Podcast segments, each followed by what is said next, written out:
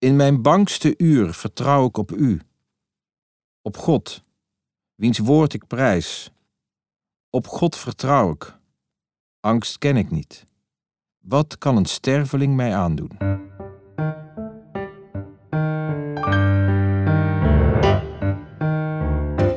De Theologie-podcast gaat over wat vandaag speelt in kerk en theologie. De Theologie-podcast wil delen, inspireren en verdiepen. Stefan Paas is een Nederlands theoloog en publicist. Hij is hoogleraar missiologie en interculturele theologie aan de Vrije Universiteit Amsterdam en hoogleraar missiologie aan de Theologische Universiteit Kampen. In 2019 werd hij theoloog des Vaderlands. Hij publiceerde diverse boeken over geloven, missionair kerk zijn en het goede leven. Op Twitter mengt hij zich actief in het debat over het vertrouwen in de overheid, klimaatverandering, complottheorieën en andere maatschappelijke thema's. Stefan Paas is de vaste gast in de Ongelooflijke Podcast, een podcast over de relevantie van het geloof in een steeds ongeloviger Nederland. Vandaag is hij te gast bij ons.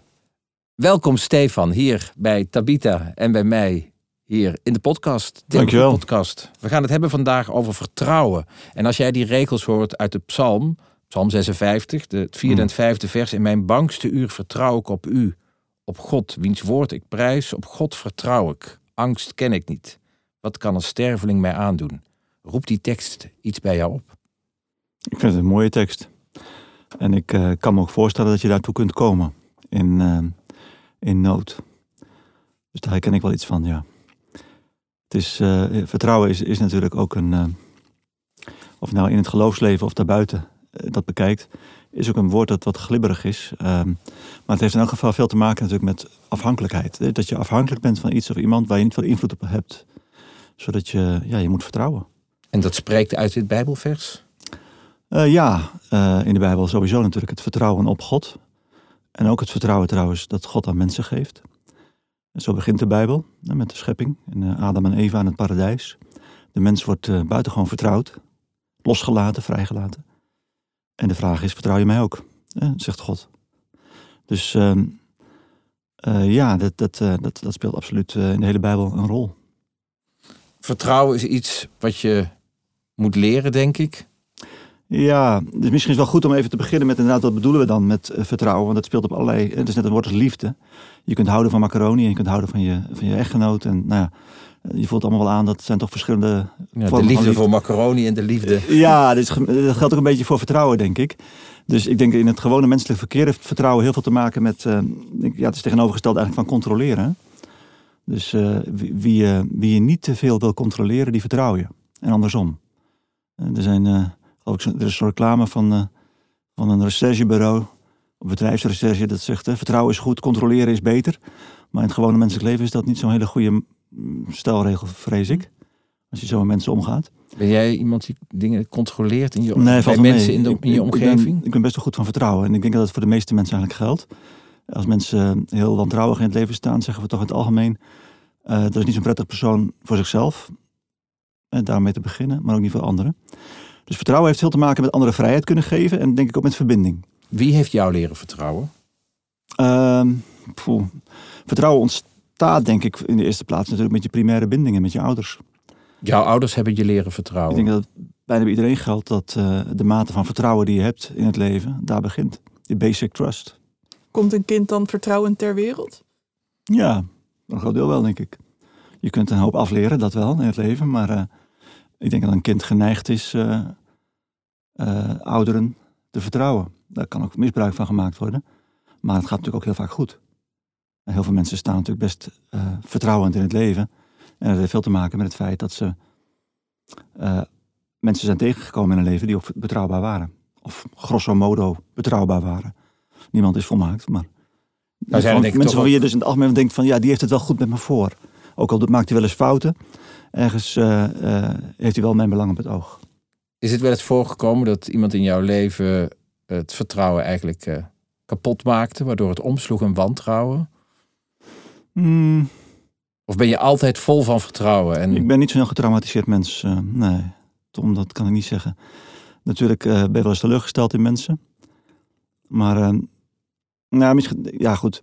Dus nee, ik, ik kan niet zeggen dat ik ergens in mijn leven eh, op zo'n manier getraumatiseerd ben geraakt dat, eh, dat iemand me zo ontzettend tegenviel dat het hele vertrouwen onderuit ging. Er zijn natuurlijk mensen die dat wel meemaken met een partner die vreemd gaat of zo, wat, dat soort dingen. Nou, ik- dat is gelukkig mij bespaard gebleven. Ehm, en verder in de alledaagse dingen, natuurlijk zijn er wel eens mensen die je teleurstellen. Ehm, maar ik denk dat het in het dagelijks leven ook een goede gewoonte is om ook altijd wel wat kritisch naar jezelf te blijven. En te weten dat je, net als in het verkeer, hè, je denkt altijd dat de anderen allemaal vervelend zijn. En afsnijden en te dicht op je rijden. Maar ja, anderen kunnen misschien ook wel eens zo naar, jij, naar jou kijken. Dus ik heb het nu over het alledaagse leven. Nogmaals, ik heb het niet over de grote trauma's. En sommige mensen raken echt vreselijk gewond. Nee, en ik heb het ook over de kleine dingen. hoor. Ja. Ik bedoel, eh, heb je nooit stiekem even de telefoon van je vrouw gecontroleerd? Of dat je bij je kinderen Nee. iets... Nee, maar dan kijk, dan ga je, dat is, dan, dan, eigenlijk ben je dan al in het stadium dat je niet meer vertrouwt. Dan ga je controleren. Dan is dat een gevolg al van een wantrouwen. Dan, ja, dus als dat wantrouwen dan verder niet gebaseerd is op gedrag, dan lijkt me dat een, eh, een heel ernstige aandoening. Het klinkt als eh, vol, vol van vertrouwen. Zo, zo Ja, ik ben een redelijk vertrouwend mens. luister ik naar je. En als je dan kijkt naar deze tijd. Naar, als je het even het perspectief wat verruimt naar de samenleving waarin we leven. Nou ja, ik gaf net al aan, vertrouwen heeft te maken dus met, eh, met, eh, met veiligheid en verbinding. Dus je, je hebt in het algemeen de overheid van San Marino bijvoorbeeld, die hoef ik niet te vertrouwen. Daar heb ik niks mee. Daar heb ik geen verbinding mee. Dus het gaat toch in het algemeen om daar waar je afhankelijk van bent, waar je verbinding mee hebt, eh, daar wordt ook vertrouwen gevraagd. Of controle, als je niet vertrouwt. Nou ja, ehm, ehm, in de samenleving eh, gaat het vaak om instituties en om overheden. Dus heel vaak eh, zie je van die onderzoeken langskomen van eh, hoeveel vertrouwen heb je in de, weet ik veel. Dat In, neemt de- af. in de politie, in de overheid, Ja. in de kerk enzovoort. En dan heeft het vaak te maken met die afhankelijkheidsrelatie. Ja, want op Twitter, of op Twitter, in een van je interviews rond je afscheid als theoloog des Vaderlands, zei Ja. je dat dat een grote zorg van Ja, jou is, is- het afnemende vertrouwen. Dat is het ook, omdat een samenleving waar veel vertrouwen bestaat, is ook een samenleving in het algemeen die veilig is, waar veel vrijheid is, waar de overheid zich consistent en rechtvaardig gedraagt.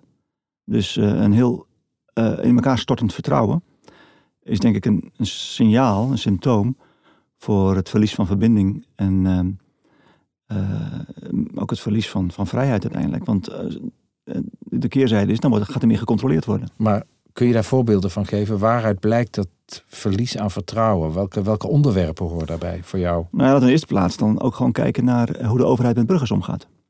Eh, Want laten we niet vergeten dat, we, eh, dat overheden vroeger, die erg geloofden in de zondigheid van de mensen en dat mensen niet te vertrouwen waren enzovoort, hadden eigenlijk niet zoveel middelen om mensen te controleren. Dus ze konden het allemaal wel geloven, maar ze moesten mensen toch redelijk ja, overlaten aan God en zichzelf.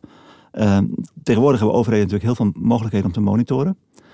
En nou, denk aan de, aan de toeslagenaffaire bijvoorbeeld, dat is daar een goed voorbeeld van. Waarin wantrouwen eigenlijk voorop stond. In combinatie natuurlijk ook nog eens een keer met eh, een vorm van racisme. Dus eh, als, een, als een, systeem, hè, de systemen waarin wij zitten, bijvoorbeeld de belasting, eh, of alle uitvoerende diensten van de overheid, bepaald gaan worden door hoe kunnen we uit alle macht voorkomen dat er maar iemand iets gaat frauderen, dus een wantrouwen, op wantrouwen gebaseerd systeem, ja, dan krijg je een overheid die heel dicht op mensen kruipt. En omdat die overheid zo zwaar en zo groot en zo machtig is, ja, dan gaat er on, onherroepelijk gaat er iets breken en scheuren. Want een overheid is natuurlijk ook niet perfect. Ehm, dus daar zit je, daar, ja, da- daar is denk ik heel veel ellende ontstaan. Die omslag van een cultuur waarin we zeiden, we hebben liever dat er af en toe een schuldige door de maas net glipt, dan dat er onschuldigen gepakt worden. Naar een cultuur waarin we zeiden, Mm. we hebben liever dat er af en toe eens een onschuldige ook eh, Mhm. vermalen wordt onder de wielen van het recht, of het onrecht in dit geval, dan dat er ook maar één fraudeur er doorheen glipt. Ja. Nou ja, Want ik zou zeggen, dat heeft ook te maken met dat we alles heel bureaucratisch hebben ingericht, bijvoorbeeld. deels dat wel. maar regels Ja. en procedures, Ja. omdat er gebrek aan vertrouwen is. Maar goed, zonder bureaucratie gaat het niet. Dan nog geldt, eh Cenk Willink zegt dat ergens, de rechtsstaat toont zich in, zijn, in, de, in de uitvoerende diensten. Dus een bureaucratie kan, laat ik het zo zeggen, werken voor jouw belang. Mm. En dan kunnen mensen zitten die, die zeggen, nou ja, eh, die volgens het systeem werken wat ik net zei, op vertrouwen gebaseerd. En dan zeggen, nou af en toe zal er iemand doorheen glippen die de boel belazert. Dat is wel zo, maar dat is dan jammer. Eh, maar in het algemeen gaan we ervan uit dat mensen van goede wil zijn, eh, hun best doen en eh, aan het algemeen belang denken.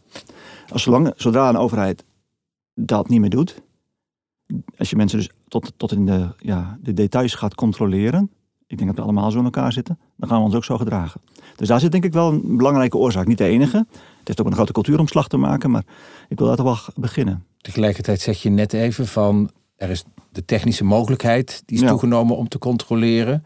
Eh, Maar vroeger was er ook het, het, een negatief mensbeeld al. En dat heeft zich aan elkaar verkleefd. Is dat mensbeeld uit het verleden van de mens die schuldig, zondig, eh, niet te vertrouwen is. is dat, komt dat uit het verleden of is dat ook van deze tijd?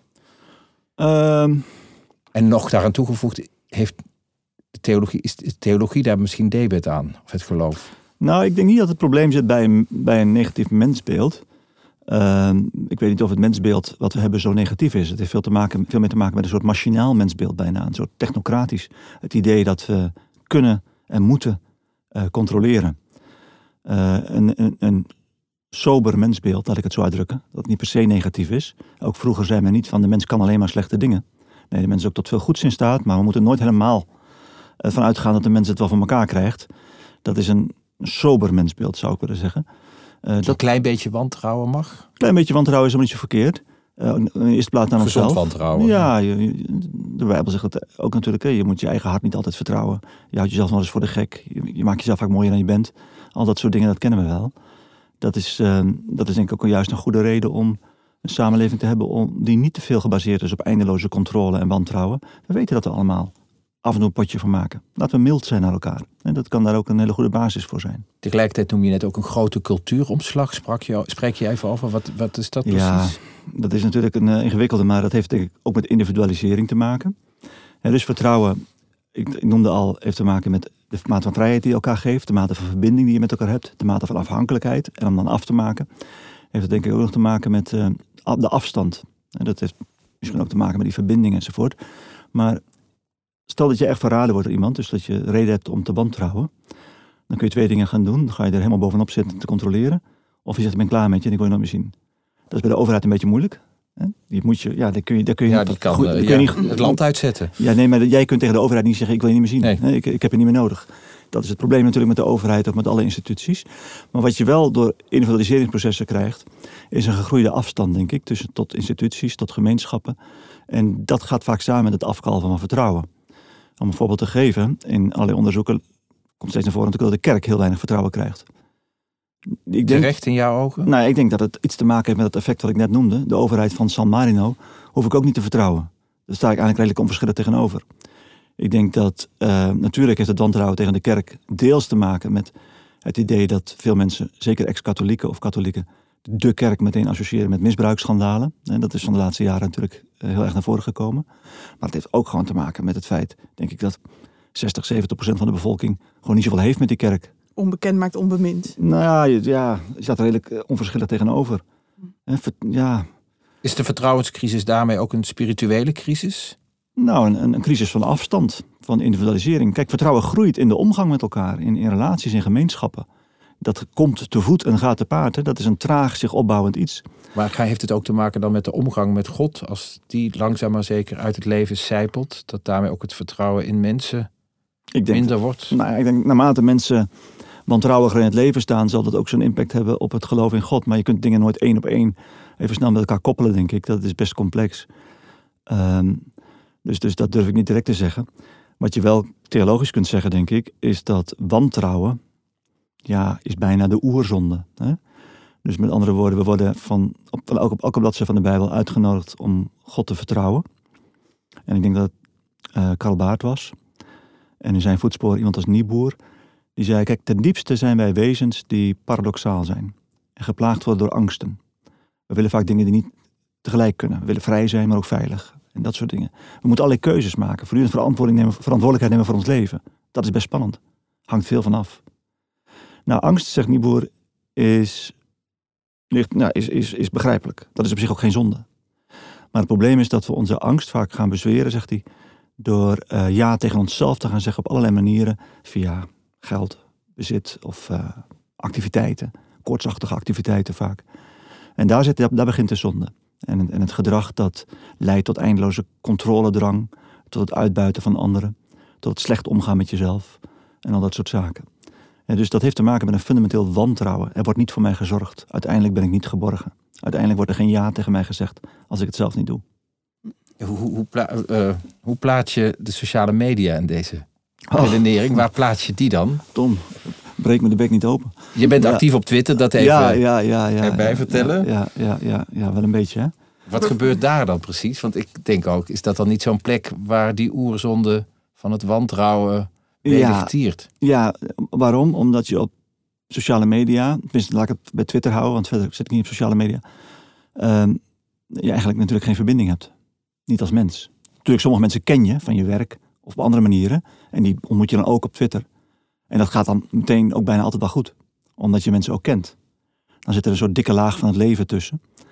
Maar met vreemden op, nou, op een medium als Twitter eh, zit er bijna vanzelf wantrouwen tussen, omdat er geen verbinding is.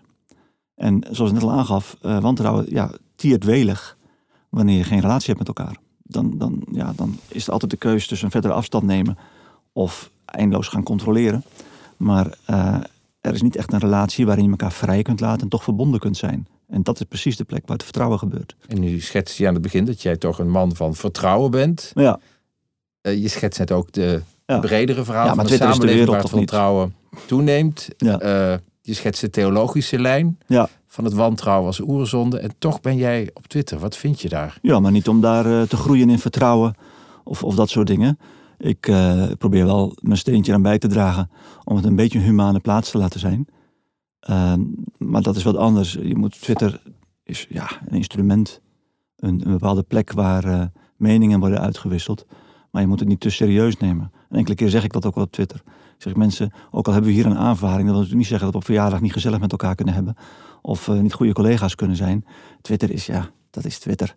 Dat is zo'n klein segmentje van, van het leven. Maar het betekent niet dat het echte leven niet beïnvloedt. Er zijn genoeg onderzoeken die Ja. laten zien dat mensen ongelukkiger worden naarmate ze meer tijd op social Ja. media besteden. Ja. Dat kan ik me wel voorstellen. Ja, ik heb dat zelf ook wel eens hoor. Dat je wel eens een, eh, zo'n fitty hebt of zo. En dat je s'avonds denkt van, ah, wat vervelend was dit toch. En zo wil ik toch mee met mensen omgaan. En, eh, dus ik heb eh, van tijd tot tijd... Dat je berouw hebt, bedoel je dat? Berouw, ja. Nou, ja. Zo Nou, zwaar, ik- Tom. nee, Ja, nou ja, goed. Ja, ik denk, ja, ja, laten we het ja. even op het scherm van de snede Mooi, hier ja, het is eh, theologie-podcast. Ja, Tom, eh, berouw, inderdaad. Nee, weet je, ehm, eh, natuurlijk een enkele keer ook wel dat je denkt van dit had ik niet zo moeten doen. Ik probeer er wel terug te komen dan. Maar ehm, eh, meer in bredere zin, ik denk dat het goed is met die sociale media, tenminste voor mij wel. Ik denk dat het voor veel mensen goed is. Ik, ik blas van tijd tot tijd een pauze in, een langere pauze. Dan ben ik gewoon weg van Twitter. Dan, eh, een vasten, laat ik het maar zo zeggen. Dus rondom de kerst doe ik het altijd een paar weken. De 40 dagen tijd zit ik niet op Twitter. Ehm, dus dat, eh, de vakantie ook niet. Eh, dan, dus maar ja, 1 juni tot 1 september of zo ben ik er ook vanaf. Dus ik probeer wel eh, langere perioden in het jaar te hebben. Dat ik daar niet mee bezig ben. En dat is wel goed, vind ik. Maar in relatie tot dat toenemende wantrouwen in de Ja, samenleving. Als je dan van een afstand kijkt naar eh, het debat in de samenleving. Dat het dus ook op Twitter gevoerd wordt. Ja. Wat zie je dan? Hoe mensen met elkaar spreken. Hoe men stelling neemt. Nou ja, Het debat voert. ehm, kijk, eh, we hebben het dan misschien ook weer te veel over Twitter nogmaals. Want dat, nee, nee, in dat het is- algemeen. Het Ja, debat. oh ja, oké. Nou ja, kijk, ehm, we spreken wel eens in onze samenleving van, ehm, van polarisatie. En niet zozeer polarisatie als het gaat om meningen. Dat mensen die met elkaar eens zijn. Maar dat valt eigenlijk wel mee in Nederland. Natuurlijk zijn er wel mensen die echt heel erg oneens met elkaar zijn. Maar grosso modo zijn veel Nederlanders het over veel dingen best eens. Maar vooral wat men noemt affectieve polarisatie. Dus dat mensen die het niet met je eens zijn, niet met elkaar eens zijn, elkaar ook nooit ontmoeten. Ook in het echte leven niet. En totaal verschillende sociale milieus zich bewegen. En ook oprecht een hekel aan elkaar kunnen hebben. Dat is niet uniek voor onze tijd. Toen ik opgroeide, ehm, eh, misschien weet jij dat nog Tom, was die Koude Oorlog er. Ehm, Ja, dat ging in de kerk. kijken, denk ik. Dat ging er pittig aan toe. En dat weet ik wel, die hele Voor of tegen de en weet ik wat allemaal niet. En rechts en links. Ja. En daar speelden ook nog debatten tussendoor als Oost-Duitsland versus Zuid-Afrika. Hè, voor de- Als, de, als, je voor als je voor de een was, was je tegen de ander en andersom. En dat kon heel hoog oplopen. Dat mensen ook echt een oprechte hekel aan elkaar hebben. De sociale media vandaag maken dat misschien zichtbaarder. En, en, en brengen ook meer mensen met elkaar in contact. Waardoor je ook meer van dat soort botsingen en wrijvingen krijgt. Maar het is niet uniek. Maar die affectieve polarisatie zorgt er natuurlijk wel voor dat je ook... Ja, hè, eh, onderzoek laat dat zien bijvoorbeeld dat GroenLinksers en FVD'ers... zoals je aan de tegenovergestelde kant van het spectrum zitten...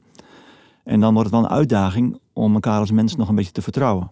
Ja, en elkaar ook verketteren. Echt. Ja, op sociale media wel, ja. En, en Maar zonder Ja. echte ontmoeting of zonder die Ja. relatie als het Ja. over vertrouwen. ja, Het gaat misschien dan ook meer over een stukje vervreemding of ja dan, dan toeschouwer zijn. vervreemding, maar ook, ook, ook als je dat onderzoek mag geloven, dat, dat mensen dan ook echt dingen gaan zeggen. Als, ik, als mijn dochter met iemand thuis komt uit die hoek, dan, twee dan geloven schop op ik een het huis uit. Ja, of twee geloven op dingen. een kussen. Ja. Wat, wat mijn grootouders nog zouden zeggen bij, eh, Ja. mijn familie is katholiek als Dat een ook protestant. Die verzuiling in de tijd ging ook samen met, niet bij iedereen, maar in een aantal aspecten met affectieve polarisatie. De. VARA werd in mijn familie ook gecanceld. eh, Ja. althans bij mijn Ja, grootouders. bij mijn opa en oma ook. Ja, de vader ging uit, want die hadden een hekel aan. eh, dat waren anti-christelijke mensen.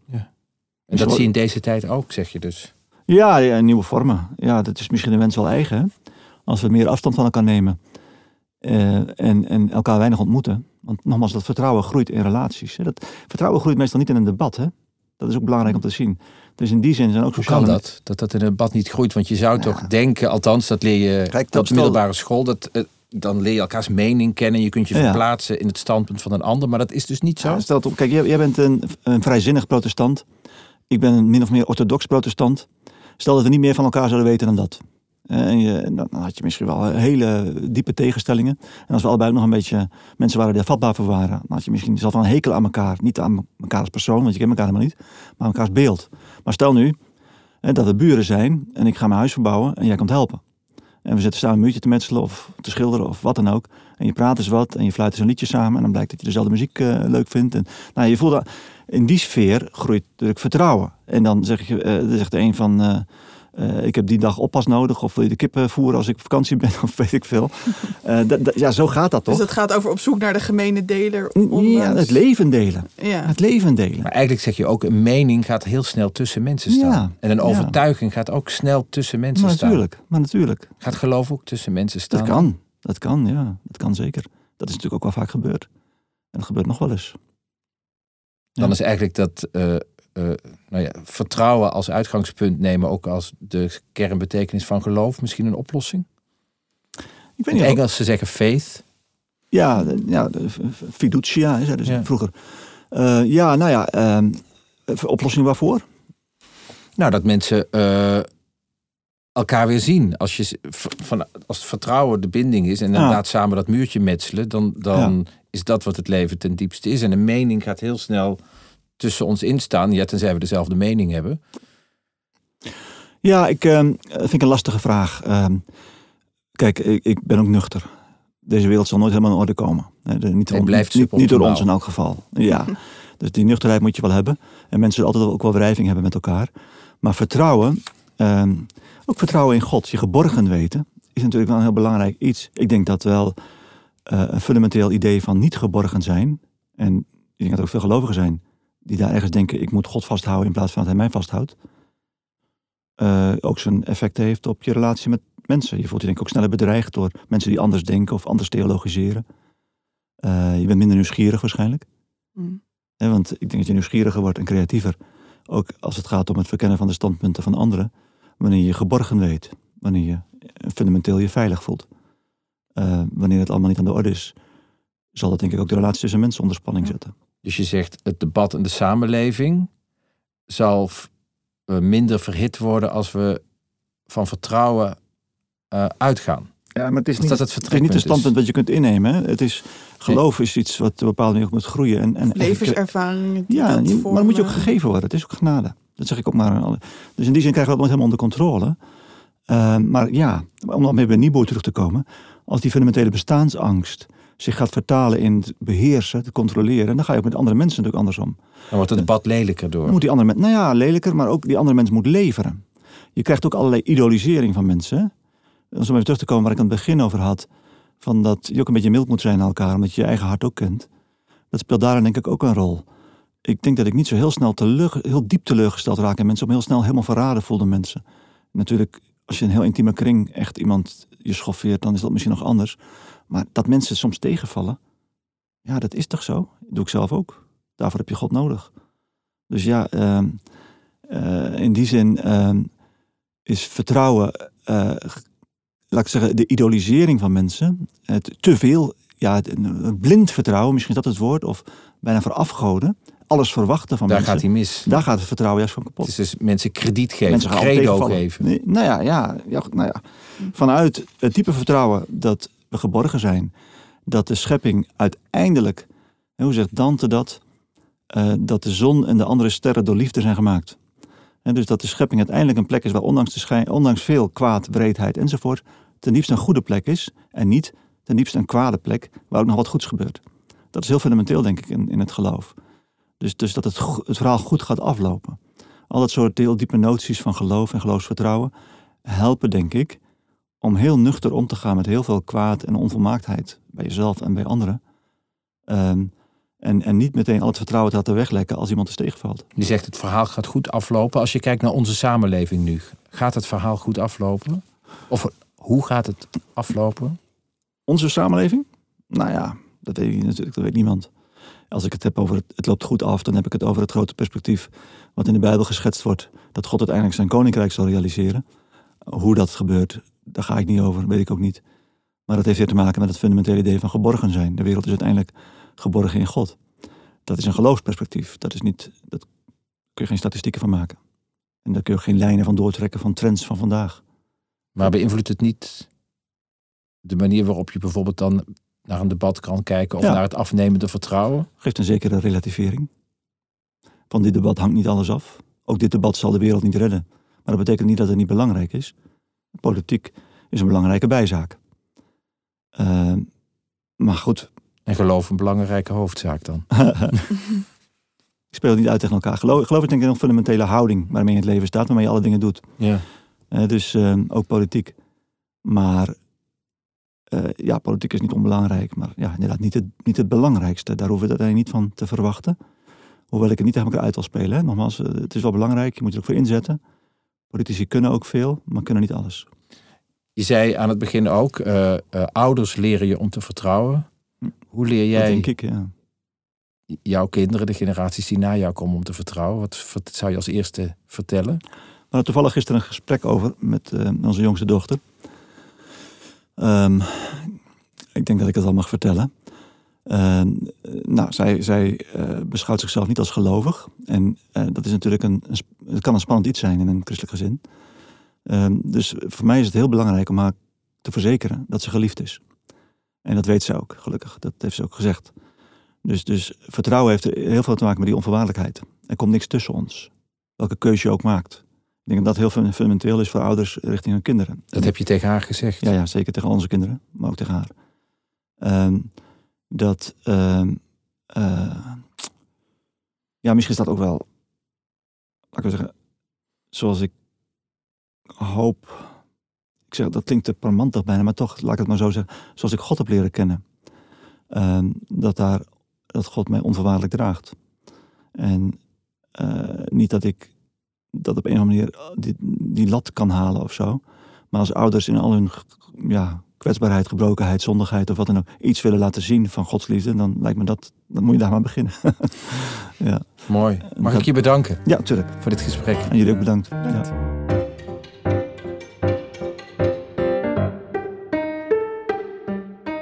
En dan is het nu weer tijd voor de nieuwsrubriek. En dat doe ik niet alleen, want eh, Peter Gorter zit hier ook, redacteur van eh Kokboekencentrum. Welkom Peter. Dankjewel. En eh, jij bent hier om wat te vertellen over het nieuws. Wat heb je meegebracht? Ja, de afgelopen weken stond De Band van de Liefde centraal.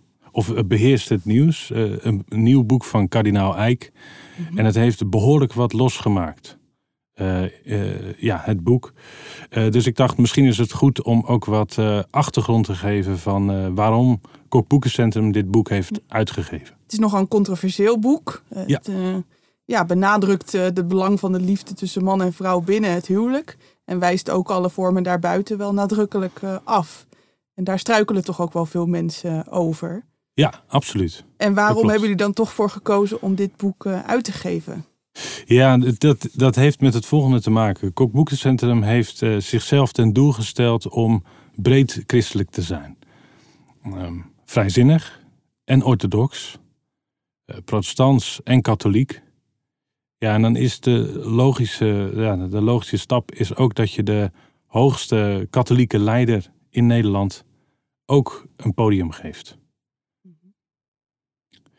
Dat, dat, is, dat, is, dat, dat is de achtergrond. Dus, uh, ja, en dat staat los dan van de inhoud?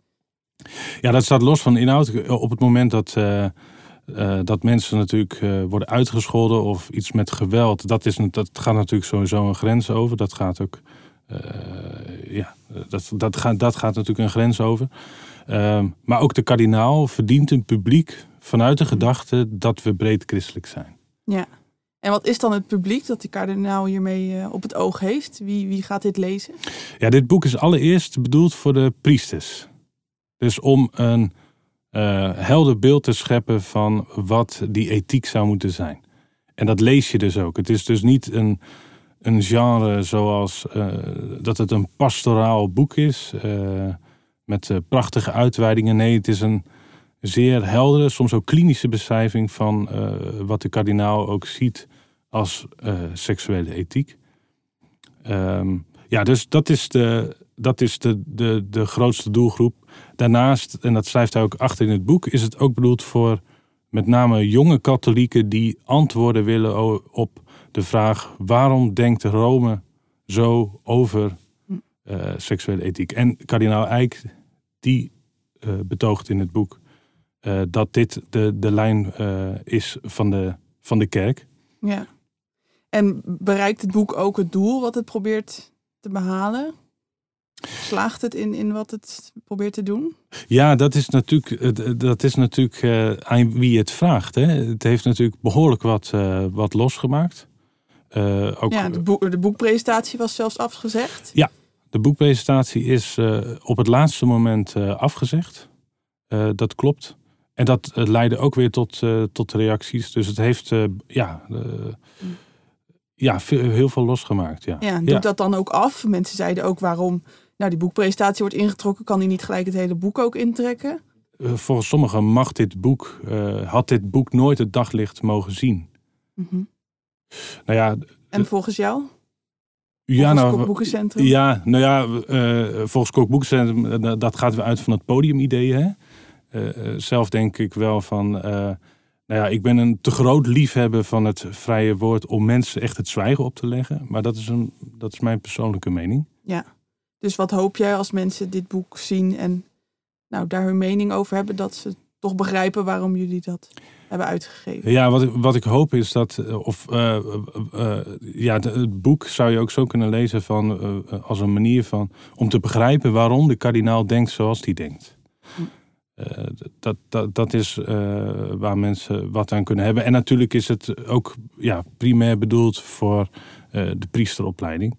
Als een soort heldere afbakening. Tegelijk zegt de kardinaal ook. Ik, ik ga hem hier niet verdedigen. Dat, dat, dat is mijn taak ook niet. En dat kan hij prima zelf. Maar dat hij ook duidelijk zegt van die regels zijn heel helder. Maar de praktijk is altijd anders. Dus dat is misschien ook nog een nuance die ik zou kunnen toevoegen. Ja, Oké, dankjewel. De band van de liefde van uh, kardinaal Eijk. Wist je dat deze podcast onderdeel is van het platform theologie.nl? Een paar duizend theologische blogs, honderden theologische boekrecensies en duizenden theologische artikelen staan voor je klaar om te lezen. Als luisteraar hebben we een leuk aanbod voor je. Lees alles op theologie.nl één maand gratis. Ga naar de site en kies lid worden. Gebruik de code podcast met hoofdletters tijdens je bestelling. Tot ziens op theologie.nl.